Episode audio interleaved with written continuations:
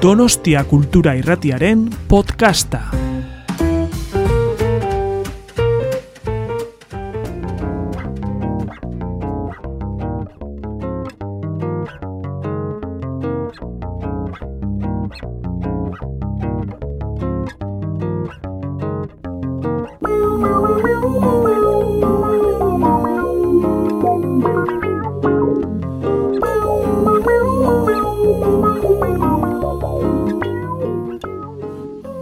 Arratsaldeon guztioi eta eskerrik asko arratsalde eguzkitzu honetan sala dotore honetara etortzeagatik. Muchas gracias por haberos acercado esta tarde soleada en la que apetece pasear a esta elegante sala de, del Ernest Yuki sobre todo gracias por venir para hablar de literatura y para escuchar a Sara Mesa que, que tenemos muchas ganas.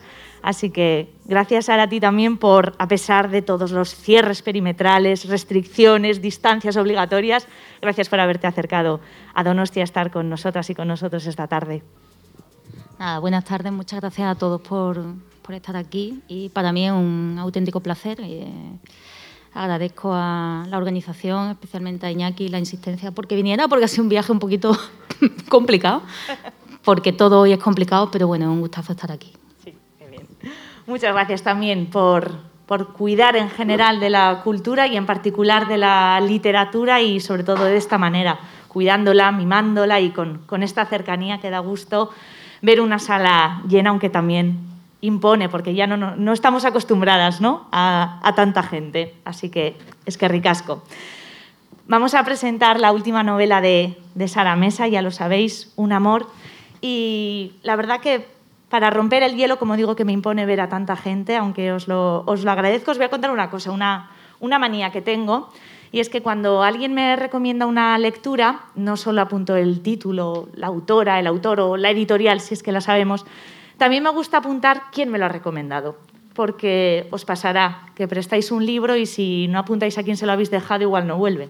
Pues a mí me gusta saber quién me ha recomendado ese libro, porque si llega a significar algo para mí, me gusta poder darle las gracias, que creo que es importante también, ¿no? Agradecerle que haya puesto ese libro en, en mis manos. Y cuando estaba preparando esta charla con, con Sara, eh, volví a un libro que había leído no, no, hace mucho y en el que encontré una cita que me parecía que, estaba muy bien para, para, definir un amor, su última novela, y, y entonces recordé que a ese libro no había llegado yo sola.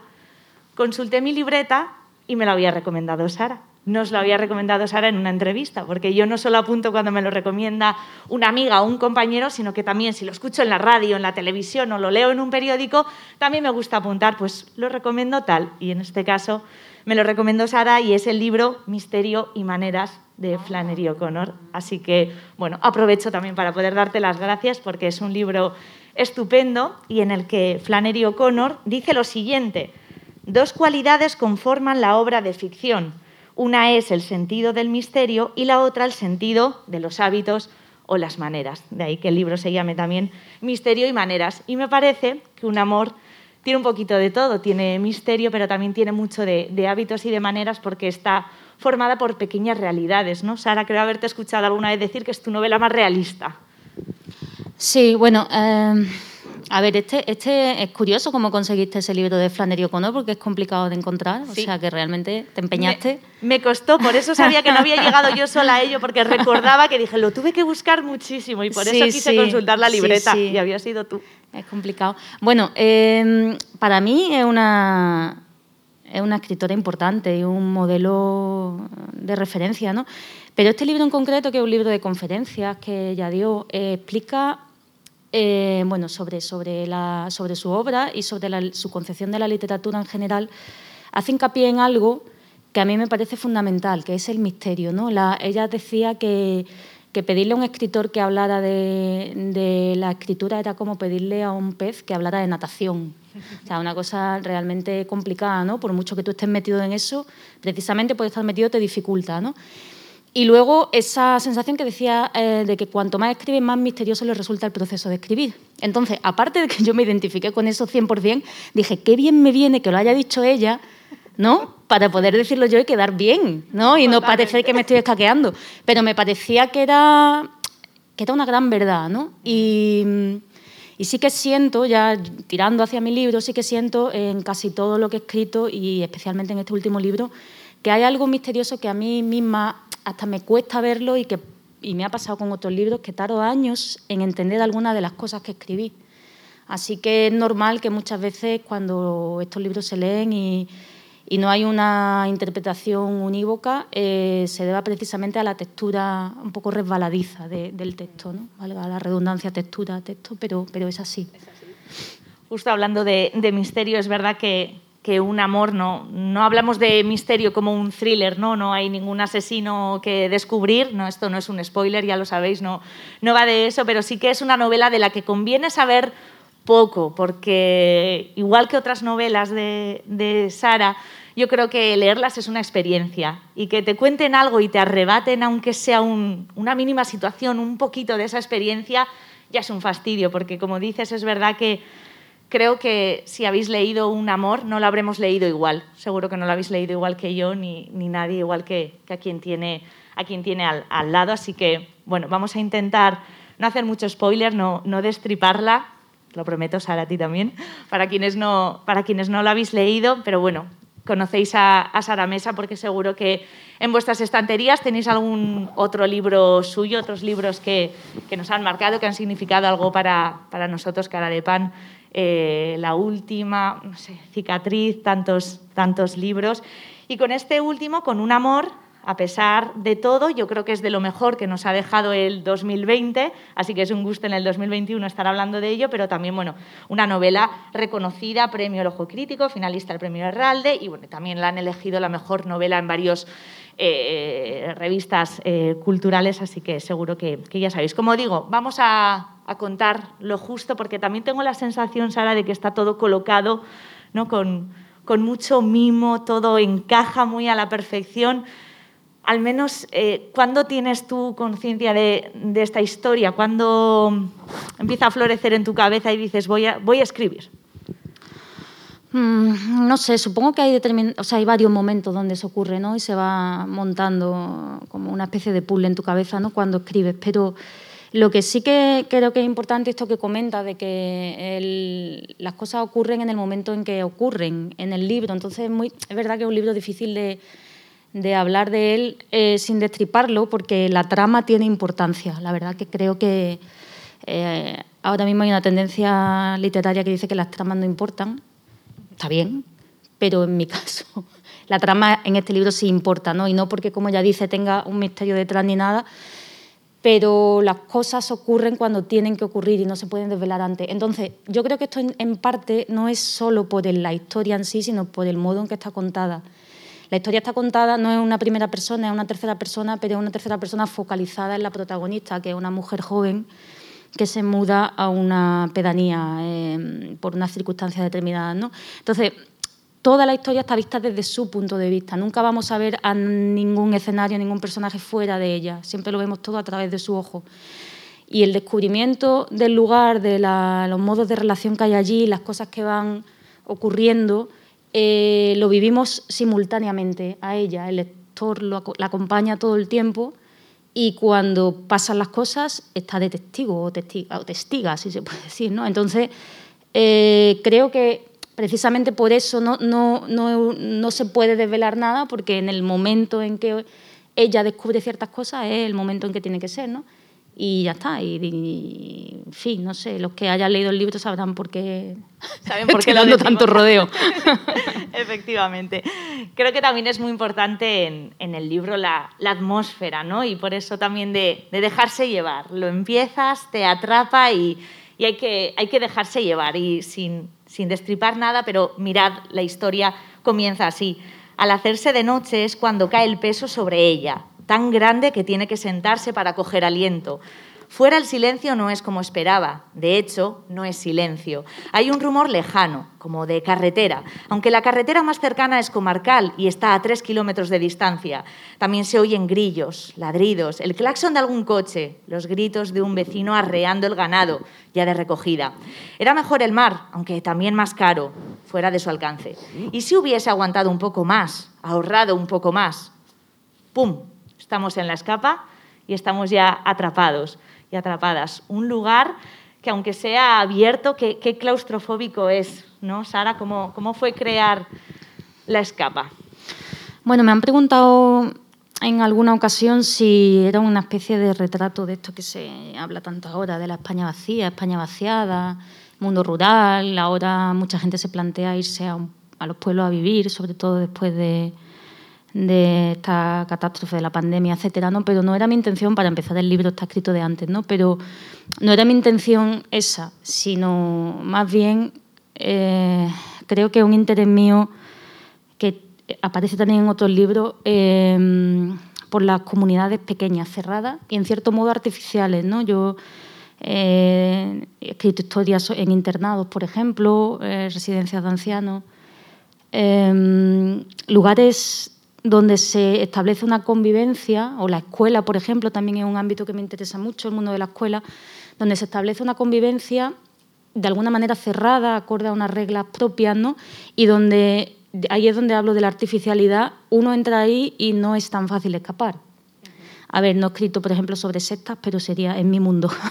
Quiero decir, me interesan mucho esas maneras de, de control en, los pequeños, en las pequeñas comunidades. ¿no? Entonces, cuando ideé este escenario de la escapa, no pensaba tanto en lo rural como en la posibilidad escénica que me daba eh, de poner a unos cuantos personajes que ya se conocen, que viven ahí y que tienen sus normas de funcionamiento y eh, además esto es una premisa narrativa muy clásica, vamos, que lógicamente no he inventado nada, el extraño que llega a un lugar, en este caso una extraña, y se tiene y tiene que descubrir cómo funcionan ahí las cosas y si se ajusta o no, ¿no? Y qué pasa cuando ah, eh, no, no ajustas del todo entonces, más bien, mm, creo que la historia podía haber, haberse desarrollado en cualquier ambiente que fuera pequeño, con pocas personas y, creo que pasa eso. Por ejemplo, pensemos en, una oficina, ¿no? un escenario de trabajo, que uno llega a ver, y no sabes cómo van las cosas y sobre todo, como digo, insisto, si está contado desde el punto de vista de la persona que lo está viviendo, se genera este, esta especie de atmósfera de misterio, ¿no? ¿Cómo va esto? Esto tienes que desentrañar un lenguaje nuevo, ¿no? Aquí la gente cómo se relaciona. Y mm, así, de alguna manera, fui, creando esta historia. Tenemos el, escenario por comentar un poco los personajes, sobre todo el principal, el de Nat, esa mujer joven que, como dices, se muda a la escapa y es, es la visión que, que tenemos, ¿no? un poco como, como, en cara de pan. Lo vemos todo a través de los ojos de, de Nat y también em, al mismo tiempo. Cuéntanos quién es Nat, porque es una mujer que llega a la escapa, es, es traductora, pero cuántas preguntas se hace a lo largo del libro. Es, es maravilloso acompañarla en sus pensamientos. Sí, bueno, para ti es maravilloso, para otra gente odioso, he, escuchado de todo. No sé, es un personaje, es un personaje mm, femenino y, diría, en cierto modo, muy femenino, al menos en ciertas cosas que yo creo que, van muy vinculadas a, las mujeres, o al menos a, la mujer que yo soy. Es decir, sobra decir que no es un personaje biográfico, y si lo, o sea, autobiográfico, perdón, perdón, y si fuera autobiográfico no lo diría tampoco, o sea, que da igual, pero no lo es. Sin embargo, sí que es verdad que, en muchas cosas yo me identifico con ella. ¿Qué ocurre? Aquí ha pasado una cosa curiosa porque em, yo no he hecho muchas presentaciones del libro porque entre la pandemia y, bueno, y otra serie de circunstancias he salido muy poco. Eh, no he hecho presentaciones, no he tenido mucho feedback realmente con, lectores, pero bueno, sí me han llegado críticas y tal, eh, críticas normalmente positivas o muy positivas, pero que hacen lecturas desde mi punto de vista caminan en la dirección equivocada porque juzgan mucho al personaje femenino. Entonces, a mí me yo de alguna manera quería hablar sobre el juicio colectivo de la comunidad sobre el que no se adapta y me da la sensación a veces de que hay em, comentarios muy duros contra, ella porque hay una especie de lectura que busca, que quiere que las cosas sean con el, con el debe ser, no con el es. No con cómo son las cosas, sino como cómo deberían ser, ¿no? Entonces, a mí esto me pasó también con, eh, con Cicatriz, una novela en la que también aparece, bueno, en este caso un, chico y una chica, ¿no? Y, en club de lectura y tal que hice me llamaba la atención lo duros que eran muchas veces los lectores y, las lectoras con, con las actitudes de, de, los personajes, ¿no? Estás tonta, perdida, pero ¿por qué no? ¿Pero por qué no lo manda a la mierda? ¿Pero por qué? Y yo decía, madre mía, parece, no habéis vivido, no sabéis cómo va la vida, o sea, Quiero decir, eh, una cosa es el debe ser y otra cosa es el es. Entonces, mi personaje es. Es como es. No se debe. A ver, no se debe juzgar, es un personaje. Yo no, no sé cómo. Es que no. Eh, aquí me pasó también con Cara de Pan. La niña de Cara de Pan. Eh, bueno, me voy hablando de otros libros, pero bueno, para que veáis cómo, cómo es mi relación con la escritura, ¿no? yo construyo un personaje y tal, el personaje es un personaje complejo, es una niña de 13 años para 14, pero que está muy confundida y hace cosas, bueno, que nos pueden parecer bien o mal, pero bueno, son las que ella hace, ¿no? Entonces, había una vez en un club de lectura una señora que me decía que esa niña, esa niña tenía un problema muy serio, porque esa niña hacía cosas que eran muy perturbadoras, esa niña estaba sufriendo mucho y ella lo había pasado muy mal, muy No, no estoy ridiculizando a la señora, ¿eh? voy al final de la anécdota. Eh, y ella lo consideraba que esa niña eh, lo estaba pasando muy mal y ella lo había pasado muy mal, muy mal leyendo ese libro, pero realmente mal porque la niña no era normal, esa niña tenía una perturbación mental, ya la cosa iba ascendiendo. Entonces, un momento que tuve ganas de decirle, señora, la niña no existe. O sea, no, eh, me la he inventado, no hay que sufrir tanto puesto que no existe. En ese sentido, quiero decir que es un personaje literario que representa una, es un paradigma, una invención, un pero a veces estos personajes toman vida. No me parece mal, la gente se enfada. O sea, con, con, Nat me ha pasado, digo que no tengo tanto feedback, pero tengo esa sensación, pero por ejemplo con, la, con mi personaje de cicatriz, se han enfadado mucho. Entonces siento, digo, bueno, mira, estará mejor o peor, pero el personaje ya como que tiene una entidad, la gente se enfada. Sí, yo creo que sí.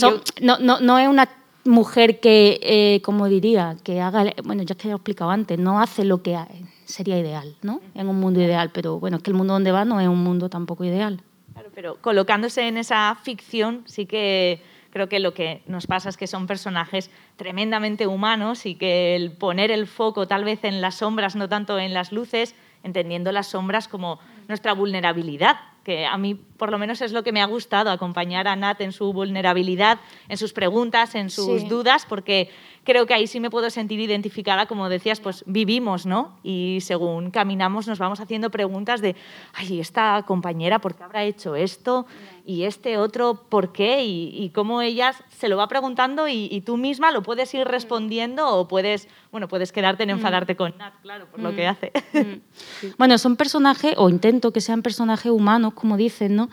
Pero tengo la sensación de que no me he explicado bien antes nunca siempre tengo la misma sensación, pero bueno, quiero decir, no son personajes, aquí es donde creo que sí, cuando leemos muchas veces estamos buscando lugares a donde agarrarnos, no son representativos. Quiero decir, si yo cuento, por ejemplo, la historia, vuelvo a, por no hablar de un amor tanto, aunque estamos aquí, vuelvo a la niña de, de cara de pan, una niña de 13 años. Si yo cuento una historia de esa niña, podían decirme, las niñas de 13 años no son así.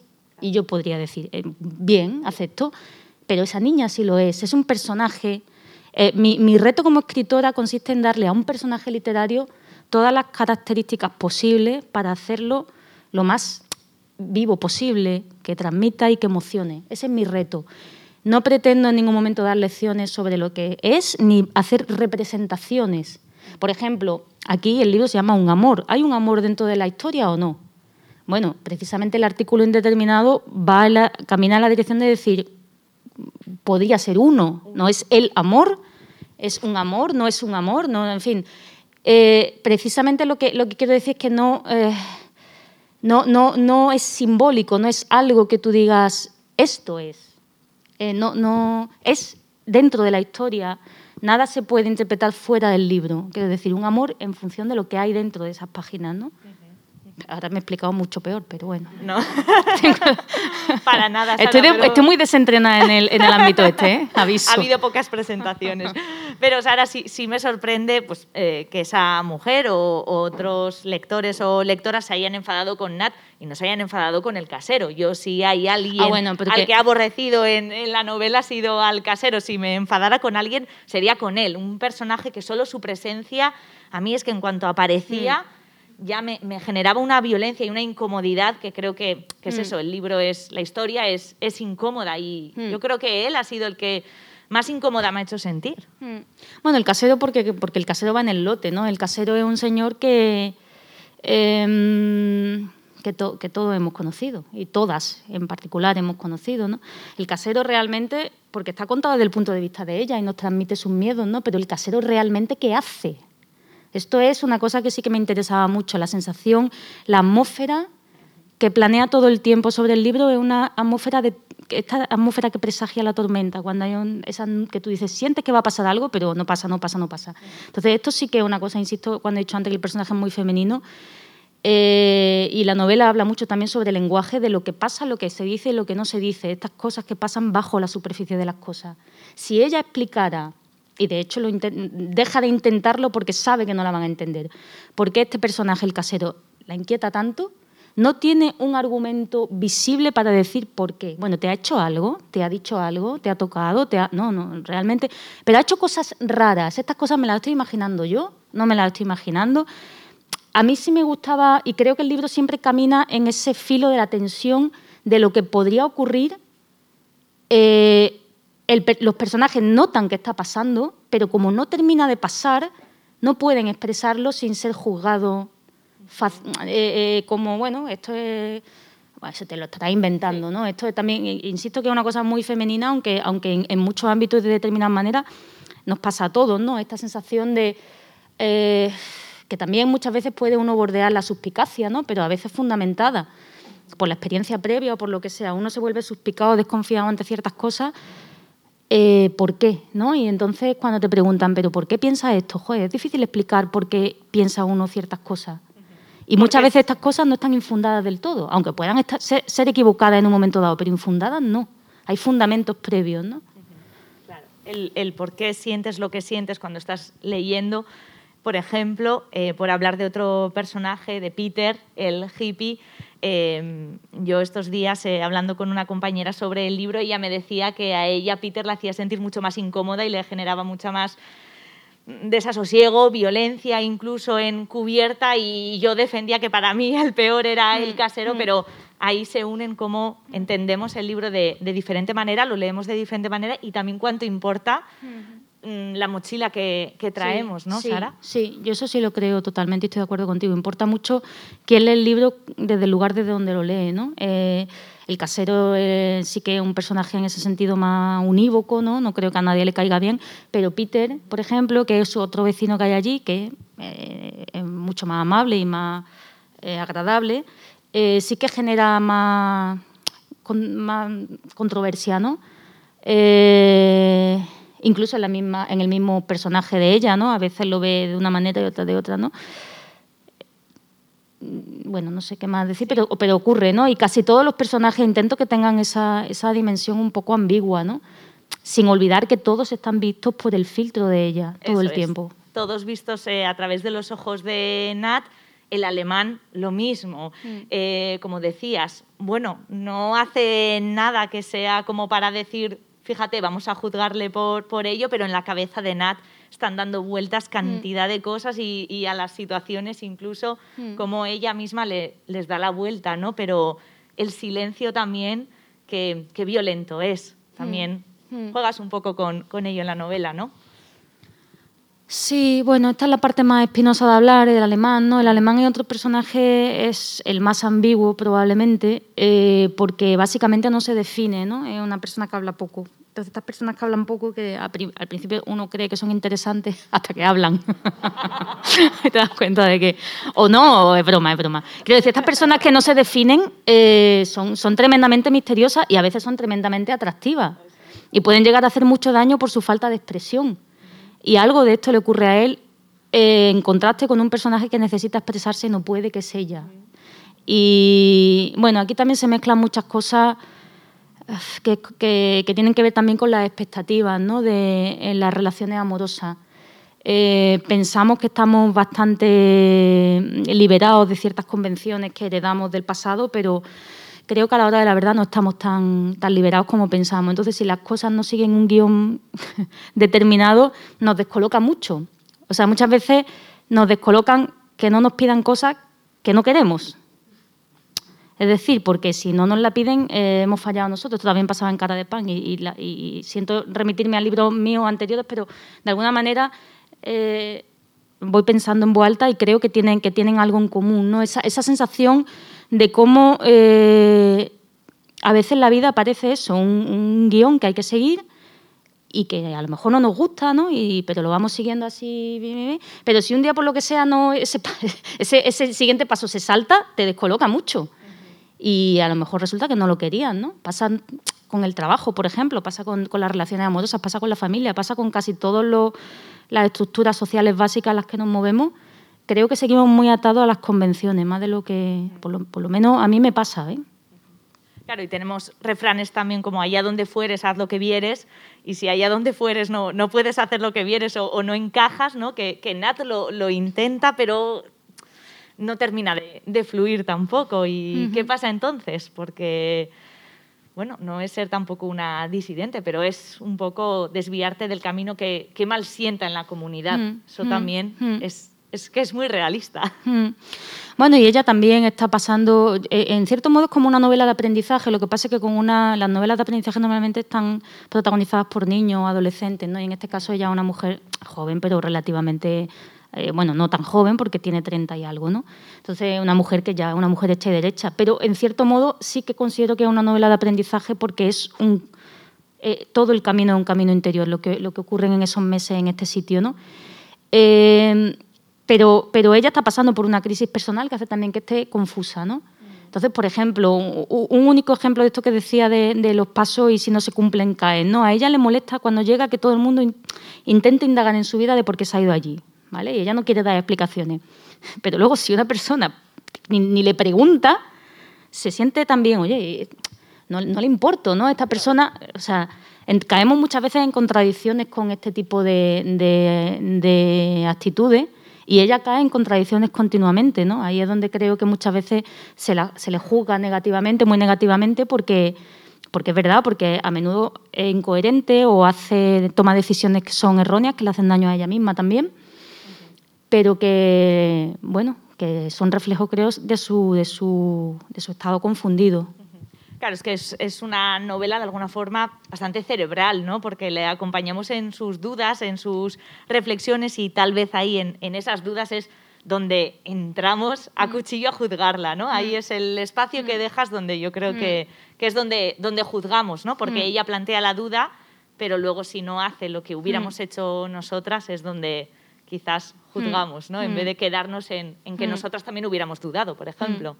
Sí, una, sobre todo en la segunda mitad, eh, es una novela que está muy articulada con preguntas, muchas interrogaciones, interrogaciones retóricas que ella se hace y con muchas expresiones mm, de, de posibilidad y duda, ¿no? Hay mucho, se repite mucho el término quizá, tal vez, el condicional, es decir, su modo de pensamiento es, está pasando esto, ¿por qué está pasando? ¿Qué pasaría si sí, tal? ¿no? Que yo creo que como premisa narrativa es, central en la vida, ¿no? Es decir, creo que la literatura al final es una gran pregunta sobre qué pasaría si. Y, eso, en cierto modo, la primera parte de la novela, pues más narrativa, va, ella llega y van pasando cosas, y en un momento dado, a mitad de la novela, cuando ocurre algo que ella pierde pie definitivamente y entra en una obsesión barra amor, es cuando empieza a preguntarse todo esto y su cabeza empieza a ser una especie de torbellino, ¿no? Y, ahí es donde creo que pierde pie, pero no, no lo digo en el sentido negativo, lo digo en el sentido vital, que, a veces ocurre, ¿no? En las transformaciones personales perdemos pie para ponerlo en otro lado normalmente. Ella además es, traductora y está acostumbrada a las palabras y tiene esa necesidad de, nombrarlo todo que también es, muy de hoy en día, ¿no? Tenemos que ponerle nombre y, etiqueta a todo y tal vez ahí también entran mucho sus dudas, ¿no? En mm. querer entender todo el tiempo qué le están diciendo todos los vecinos, esa comunidad en la que está. No solo hay una parte de ella quererse hacer entender, sino de entender a su, a su alrededor, ¿no? Porque ella intenta integrarse de, de alguna mm. forma, pero es lo mm. que nos sucede, ¿no? Que tal vez no nos entendemos a mm. diario. Sí, constantemente. El tema del lenguaje sí que es importante. También tiene algo que ver lo que, lo que estábamos comentando antes, ¿no? El, el hecho de que ella necesita nombrar las cosas para entenderlas, eh, aunque sabemos que la realidad eh, no, se, no se suele clasificar así, ¿no? ni con los nombres tampoco reflejan la realidad al 100%. Normalmente eh, fuerzan la realidad a que, que, encaje en el nombre. ¿no? Y, pero ella lo necesita, ¿no? y necesita, necesita entender qué está pasando a través de las palabras. Y, y claro, bueno, esto es muy, muy. Imagino que las personas que eh, se mudan al, al extranjero, a culturas muy diferentes, tiene que ser todavía mucho mayor esa sensación de desarraigo que va, que va acompañada con el desconocimiento del lenguaje. Aquí no, aquí se supone que hablan el mismo lenguaje. Además, me gustaba la idea de que teóricamente hablen el mismo idioma, ¿no? Pero la realidad es que no, que sienten todo el tiempo que hay una especie de ruido de fondo en la comunicación, que está siempre, hay un ruido siempre, eh, lo que podríamos llamar una especie de ruido mental, ¿no? Hay un ruido mental. Eh, creo que es inevitable que exista ese ruido mental en la comunicación. El problema es cuando ese ruido es demasiado grande o cuando uno se obsesiona con esa o con borrar ese ruido. en fin, todas estas cuestiones también están ahí planeando. Que dicho así parece un coñazo de libro, la verdad. No, fíjate, si es que os iba a enseñar cómo... Es que no hay que hablar tanto de los libros. no, es verdad. Hemos intentado hablar de series o tenemos esa idea igual para terminar hablamos un poco de, series o de películas. Pero fijaos, una conversación que, seguro que habéis tenido o muy parecida. Va, él habla diferente, nunca nos entendemos. ¿No te habías dado cuenta? ¿De qué, Roberta? ¿De que ese hombre no me entiende? ¿Te refieres a tu marido? Claro que te entiende. ¿Qué va? Aquí en este sitio nadie entiende a nadie. Bueno, eso pasa en todos lados. En todos lados, en casa, en la oficina, es algo que, nos sucede continuamente. Por eso digo que también está formado como por pequeñas realidades, aunque luego sea, sea ficción, ¿no? Pero eso también es lo que, lo que nos atrapa, ¿no? Sí mm. sentirnos que, podríamos estar ahí, formando parte de, una ficción, ojalá.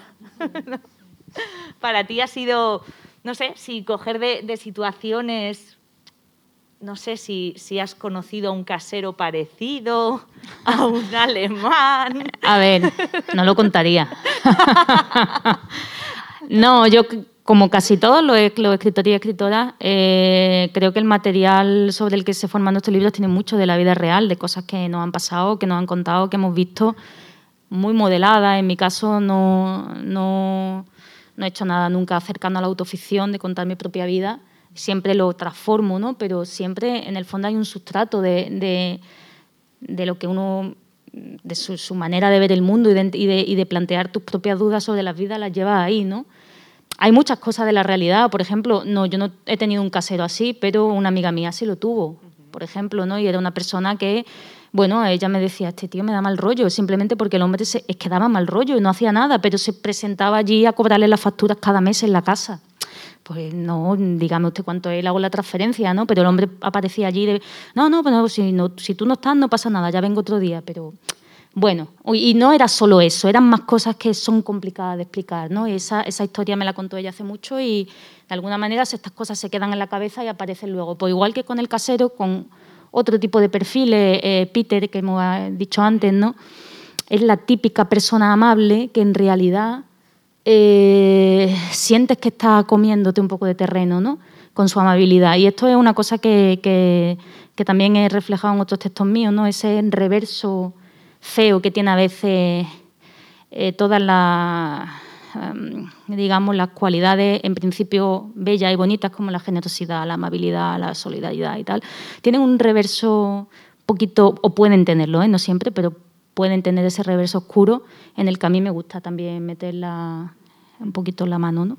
En esas sombras. Sí. Claro. Y otro personaje que creo que también es, es muy importante es el perro sí, eso, sé sí que es un gran personaje, cuánto importa, aunque sea un animal, pero, pero ahí has, yo creo que sí que lo has encajado a conciencia para que sí. que diga, diga mucho. Sí, bueno, y me alegro que lo menciones porque creo que la trama que hay respecto, o sea, hay un perro y, y, el perro tiene una función importante en la historia y un en fin, no, lo quiero revelar para quien no lo haya leído, pero es fundamental, no siempre se habla del perro.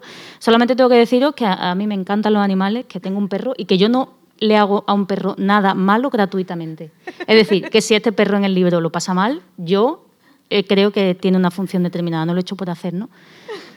No, había, por ejemplo, John Cheever decía, por ejemplo, que el, escritor norteamericano, que un escritor, por mucho que estemos hablando de ficción y tal, tiene una responsabilidad. Entonces él decía, eh, yo pienso igual, ¿eh? no digo que yo voy a poner por encima a un perro que a un niño, pero en su ejemplo del niño decía, un escritor no puede matar gratuitamente a un niño. O sea, si en un cuento o en una novela tú matas a un niño, eh, eh, justifícalo. Justifícalo quiere decir no a nivel narrativo de trama, sino a nivel literario global. No, no, no, lo uses como modo de, de, explotar el, el, morbo, ni el dolor, ni la tragedia. Tiene que tener una función clara. ¿no? Bueno, pues eh, en este caso con el perro me pasaba un poco igual, ¿no? Yo no he matado a ningún niño, o sea, de momento. claro, lo, me lo realmente me lo pensaría, es ¿eh? un tema que siempre, porque me llama la atención muchas veces de mis libros que se dicen que son así como muy oscuros, turbios, tal. Digo, joder, yo todavía no he matado a ningún niño. Hay un montón de escritores que han matado niños. Y no pasa, qué decir, no tienen esa fama. Yo, porque yo no he matado, no solamente no he matado a ningún niño, sino que creo que no he matado a ningún personaje. No. Es verdad, es que lo, hemos dicho al principio, es verdad que, que puede haber ese punto de misterio, pero no muere nadie. No, no, no, no, no, no, no, no sé. Es verdad, sí, sí, sí, pero tiene, bueno, eh, es la forma también de, interpretarlo, ¿no? Pero eh, lo pasas mal si tienes que hacérselo pasar mal a, un personaje a la hora de escribir, Sara. Ah, mm, a ver, los personajes... ¿Qué pregunta? No, es que no sé, es que lo, tiene que estar justificado. Al final tiene que estar justificado, ¿no? Entonces lo paso mal si el personaje es, una marioneta, si yo siento que es una marioneta a mi servicio. Yo no, yo no intento, lo que pasa es que, claro, lo mismo pues no lo consigo. Yo no quiero ir aquí de. Pero eh, yo creo que la función al final es que los personajes no no hablen por ti, no sean eh, esos monigotes que, reproducen tus pensamientos, tus preocupaciones, sino que adquieran una sustancia viva. Eso es lo complicado de, escribir, ¿no? que tengan esa, esa, función y que al final bueno, pues, tengan una entidad propia. Y eso creo que es el, trabajo duro. ¿no? Te lo preguntaba también porque, como decíamos al principio, sí que es una novela en la que se nota que, está todo encajado, que está bien pensado. Es una historia que no es cosa de ayer, ¿no? Te he escuchado decir que incluso empezaste a escribir antes de Cara de Pan, pero que has tenido que, reposar por eso de encajarlo todo o tal vez por eso de, no hacer sufrir a, los personajes. No, porque tengo mi, modo de trabajo, no a pesar de que, bueno, que creo que cada dos años en los últimos tiempos sacando un libro, son libros cortos y, oye, dos años para escribir eso. es un tiempo, vaya, que, que, que no decir que le doy vuelta, le doy vuelta. Entonces, eh, a esta novela, mm, en un momento dado no terminaba de ver claras algunas cosas, la paré, la dejé en la incubadora, como yo digo, escribí Cara de Pan. O sea, técnicamente esta novela es anterior en un 80% a Cara de Pan. El 20% restante viene después de Cara de Pan, cuando ya retomo este libro con el tiempo que ha pasado y consigo terminarlo. Y no me refiero al final, no que me faltara la, el 20% de las últimas páginas, sino era un conjunto de cosas que no, que no encajaban, como que el engranaje notaba que no iba bien y, luego, bueno, conseguí que fuera algo mejor y, ya está. Y también llega un momento en que humildemente creo que, que uno tiene que reconocer que ha escrito el mejor libro que podía escribir, que no es el mejor libro del mundo. ¿vale? Pues también hay que saber, hay que ser modesto y decir, bueno, pues este, este es el libro y ya esto es lo que hay, ¿no? Eh, mm, siempre queda una parte de insatisfacción, pero también una parte de, bueno, de, decir renuncia, pero renuncia feo, ¿no? Al revés, sería de entrega, de decir esto es lo que, esto es lo que entrego, esto es lo que sé hacer y, bueno, y ahí sí que llegué a ese momento, pero como, como escritora muchas veces un, sabes cuando ese momento no ha llegado, entonces creo que no hay que tener prisa y, y dejar el libro dormir un poquito a veces hay una palabra, un concepto, algo que, todavía no ha salido y que también quería comentar contigo. Eh, os leo otro poquito más. Llueve, no es una lluvia fuerte, sino mansa y constante, sin altibajos. Empieza a medianoche. Nato obliga a Sieso a entrar en la casa. Coloca los cubos y permanece atenta para vaciarlos cuando están a punto de rebosar. De los tablones del suelo se desprende un calor húmedo y pegajoso que la adormece. Se hunde con pesadez en un sueño alambicado, un sueño que va retomando tras cada interrupción sin conseguir romperlo del todo. Los sueños, cuántas veces también aparecen, ¿no? Hablábamos de que es verdad que es una historia que, está formada por muchas preguntas, muchas incertidumbres de, Nat, muchas dudas, pero también esa parte onírica, ¿no? Eh, me ha gustado, ¿no? Como, como hay que dejarse llevar, así como en los sueños, de qué cosa más rara soñé ayer, pero me dejé llevar. Sí, yo creo en cierto modo que, la novela en conjunto, que además no es una novela muy larga, como veis, tiene, podría tener cierta atmósfera de sueño, de que hubiera sido Lo que pasa es que, bueno, eso de acaba un libro diciendo al final todo era un sueño, era, es horrible. No, pero no me refiero a eso, me refiero a, la, a, la, a esa turbiedad que tienen a veces los sueños, cuando yo por lo menos tengo sueño casi todas las noches y, bueno, en muchos sueños pasan cosas absolutamente eh, oníricas, lógicas, iba a decir psicodélicas, ¿no? Totalmente irreales y fantásticas y maravillosas y terroríficas también, pero otras veces son sueños que podrían ser verdad, cosas que podrían ser verdad, pero como si la viéramos, no sé, como a cámara lenta o con un aire más, un poquito más gris de lo normal o con algo raro. Es como si estuvieras hablando con tu madre, pero tu madre tiene la boca de tu padre. Una cosa así, inquietante todo el tiempo. Como una extrañeza todo el tiempo. Exactamente, un clima de extrañeza que planea todo el tiempo sobre lo que estás soñando, viviendo. Y en este caso, creo que en un amor que eh, sí que, como has dicho antes, mi libro es más realista en el sentido de que todo podría pasar, hay todo el tiempo como una atmósfera de algo raro, de algo que no termina de encajar, ¿no? De, con la realidad. O sea, no sería un realismo con R mayúscula, sería un realismo con R pequeñita. Sí, como que algo va a estallar y, lo estamos esperando, continúas ¿no? con, la, con la historia a ver si, a ver si estalla. Em, Sara, has comentado que muchas presentaciones no, no, has podido hacer. No sé si, si te ha tocado explicar muchas veces que eh, la novela se llama Un amor, pero no es una novela romántica. O tal vez sí lo sea, no lo sé. Yo creo que no, pero te ha tocado explicar que no es una novela romántica. Sí, me la han preguntado alguna vez que porque, bueno, la palabra amor no aparece en el interior del libro, o sea, es una cosa que me esforcé además para que no. No, no era, no era, complicado que no, porque no es una novela de amor, pero claro, llamándose así, yo decía, me decían, bueno, y si la ponen en una, en la librería la ponen en la parte novela romántica, digo, fantástico, porque es como meter ahí una, una pequeña bomba, ¿no? Pero sí que es cierto, por otro lado, cada vez, yo digo que voy cambiando en mi opinión de los libros, yo decía, no es una novela de amor, pero empiezo a pensar que sí que lo es. Ahora voy a decir que sí que es una novela de amor. Lo que pasa que, ¿qué pasa? Que estamos, eh, que, que, que eh, parece que tenemos una idea del amor mm, totalmente, bueno, lo mismo que he dicho antes, lo que debería ser, no lo que es. Estas cosas pasan. Aquí hay una obsesión tremenda, hay un, hay un descoloque, hay un choque en un momento dado tremendo al conocer a una persona, hay sexo también, la turbación del sexo, la soledad, todo esto está ahí dentro. Lo cierto es que está. ¿Puede ser un amor? Pues mira, lo mismo sí, lo mismo es que estas cosas pasan todos los días, ¿no? Y, y, ya está, no, no sé. Sí. Eh, un amor entendido como, como quien lo lea o como también en el libro dice los silencios. ¿Cómo puede existir un silencio en particular? ¿No deberían ser iguales todos los silencios como es igual siempre el color blanco? Bueno, el color blanco igual no siempre es igual, ¿no? Pues ni los silencios ni tampoco el amor, una de las palabras igual más manoseadas que, tenemos en nuestro vocabulario, ¿no, Sara? Sí, eh, un poco refleja eso, ¿no? La idea de que, y, bueno, que creo que lo he dicho ya, ¿no? El artículo indeterminado va por ahí, ¿no? Un, bueno, uno posible, ¿no? Uno de tantos. ¿No? O yo qué sé. Había, esto os voy a contar una anécdota porque este libro, como digo, lleva tiempo ya, eh, o sea, que hace tiempo que lo escribí y el título sí que lo tuve claro desde el primer momento, luego el libro se paró y tal, ¿no? Pero el título lo tenía.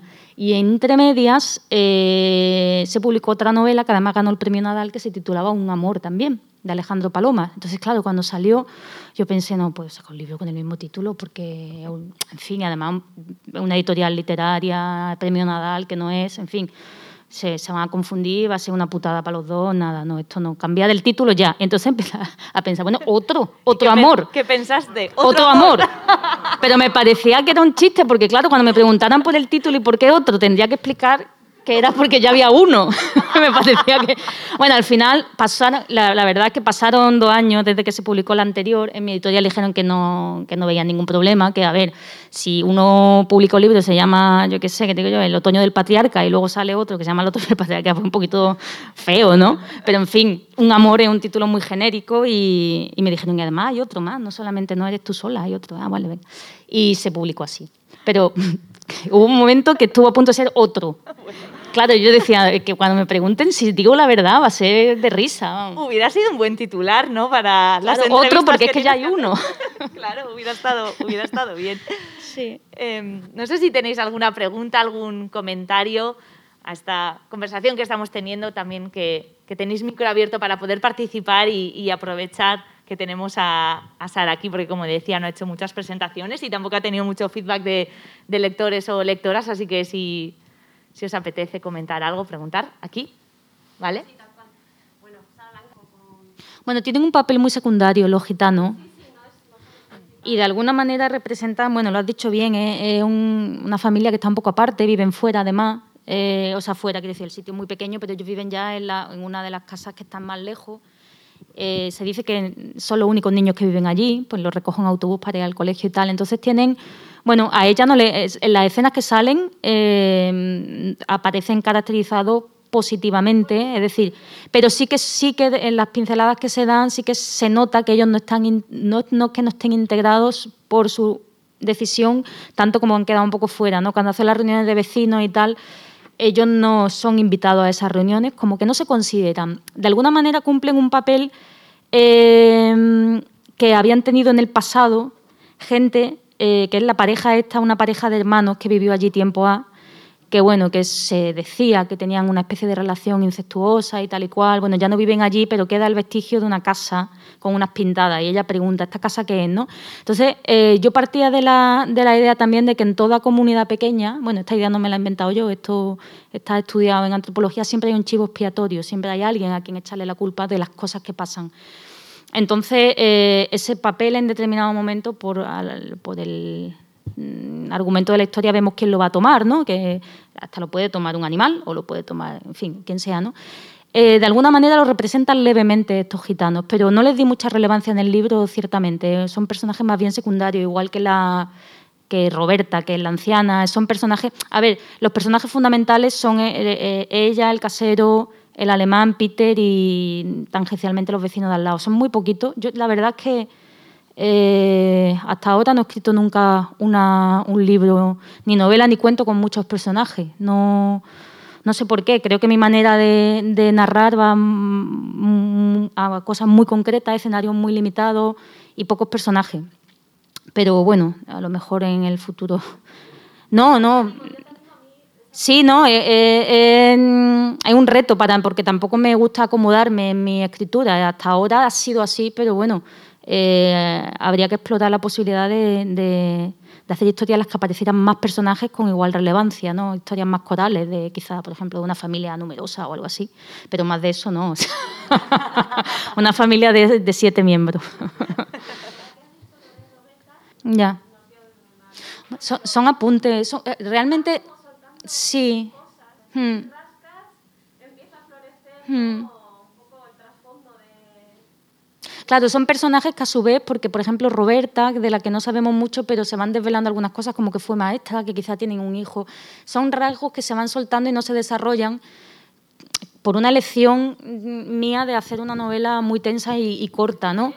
Claro, porque si me pongo a desarrollar los distintos personajes, pues eh, entonces sería otra novela. Pero, pero claro, yo lo que intento de alguna manera es que estos personajes, aunque sean secundarios y tal, tienen que tener una vida que se insinúa, no, no, no parten de cero, no han salido como una seta ahí ellos tienen a su vez una... Un, bueno, claro, yo dejo ahí semillas narrativas por si alguien quiere escribir la historia de Roberta, pues creo que yo no, no me encajaba ahí, ¿no? Pero sí que tienen, intento, bueno, eso, que tengan que tengan cierta solidez. Entonces a veces es verdad que, bueno, ¿y por qué dice esto y luego no lo desarrolla? Bueno, pues no sé. Porque, claro, claro, porque, bueno, todo, a ver, en la realidad es así, ¿no? Nosotros eh, nos relacionamos con personas, con unas cuantas personas muy cercanas y otras no tanto, y todas las personas tienen una vida detrás bastante compleja, de la cual nos llegan ramalazos. ¿No? Y, muchas veces dice, bueno, ¿y por qué no desarrolla? Bueno, pues porque en la vida real tampoco sabemos todo de, la gente. Sabemos que esta persona es coja por un accidente, pero no hemos sido capaces nunca de preguntarle qué tipo de accidente fue o si nació así. no, pues la vida funciona un poco así. Yo creo que muchas veces le exigimos a los libros más de lo que le exigimos a la vida, que tenemos un conocimiento parcial del mundo, ¿no? Claro, porque incluso con Nat es que la historia la cuenta ella y en la vida también quien te lo cuenta te pueden contar el accidente, pero te lo va a contar a su manera y puede que mm. siempre se guarde algo, ¿no? Mm. Y esa sensación está todo el rato en, en la historia de que todo el tiempo hay algo que no sabemos, pero que queremos saber, que eso es también lo que nos lleva adelante, ¿no? Mm. Incluso lo has comentado antes, el por qué Nat llega a, a la escapa, ella lo explica, pero ay, te quedas con la sensación de mm, mm. no me estás contando la verdad mm, o no me lo estás contando todo, ¿no? Nos debatimos en eso todo el tiempo, ¿no? Tú hacías así porque ahí está el espacio también para quien lee la historia, ¿no? Sí, porque es lo que he dicho, ¿no? aunque una, está escrito en tercera persona, no es, digamos, un narrador omnisciente que lo sabe todo. O sea, todo lo, lo, tenemos filtrado y, bueno, por una visión parcial de la realidad, que es la que tenemos en realidad siempre, ¿no? Más preguntas comentarios galderarik, bai? Aurrera. Bueno, gracias. No, no creo que sea contradictorio tampoco con lo que ella comentaba, ¿no? Sí, sí. Bueno, no sé, yo creo, creo entender lo que estáis diciendo las dos y, lo, y, apunta a la misma dirección, ¿no? Que al final eh, es que es imposible, además, justificarlo todo. Es imposible. Lo, como, como escritores, cuando caemos en esa necesidad, normalmente los libros fallan, porque no, no se puede, creo que no se puede hablaba Lucia de la justificación, lo digo como se está grabando el audio para que, para que quede claro en esa explicación. ¿Alguien más que quiera compartir también, pues así, eh, su, su, lectura, cómo, cómo se ha sentido, si comparte nuestro desasosiego o no, o preguntar algo? A ver, yo eh, creo... para los que están detrás que igual no han escuchado la pregunta, preguntaba eh, si al dejar reposar el texto, como había comentado Sara, que lo dejó un tiempo y fue con, cara de pan, si no tuvo la sensación de como escritora también, ¿no? Que quedara un poquito viejo o, qué sensaciones tuviste al menos al recuperarlo. Mm.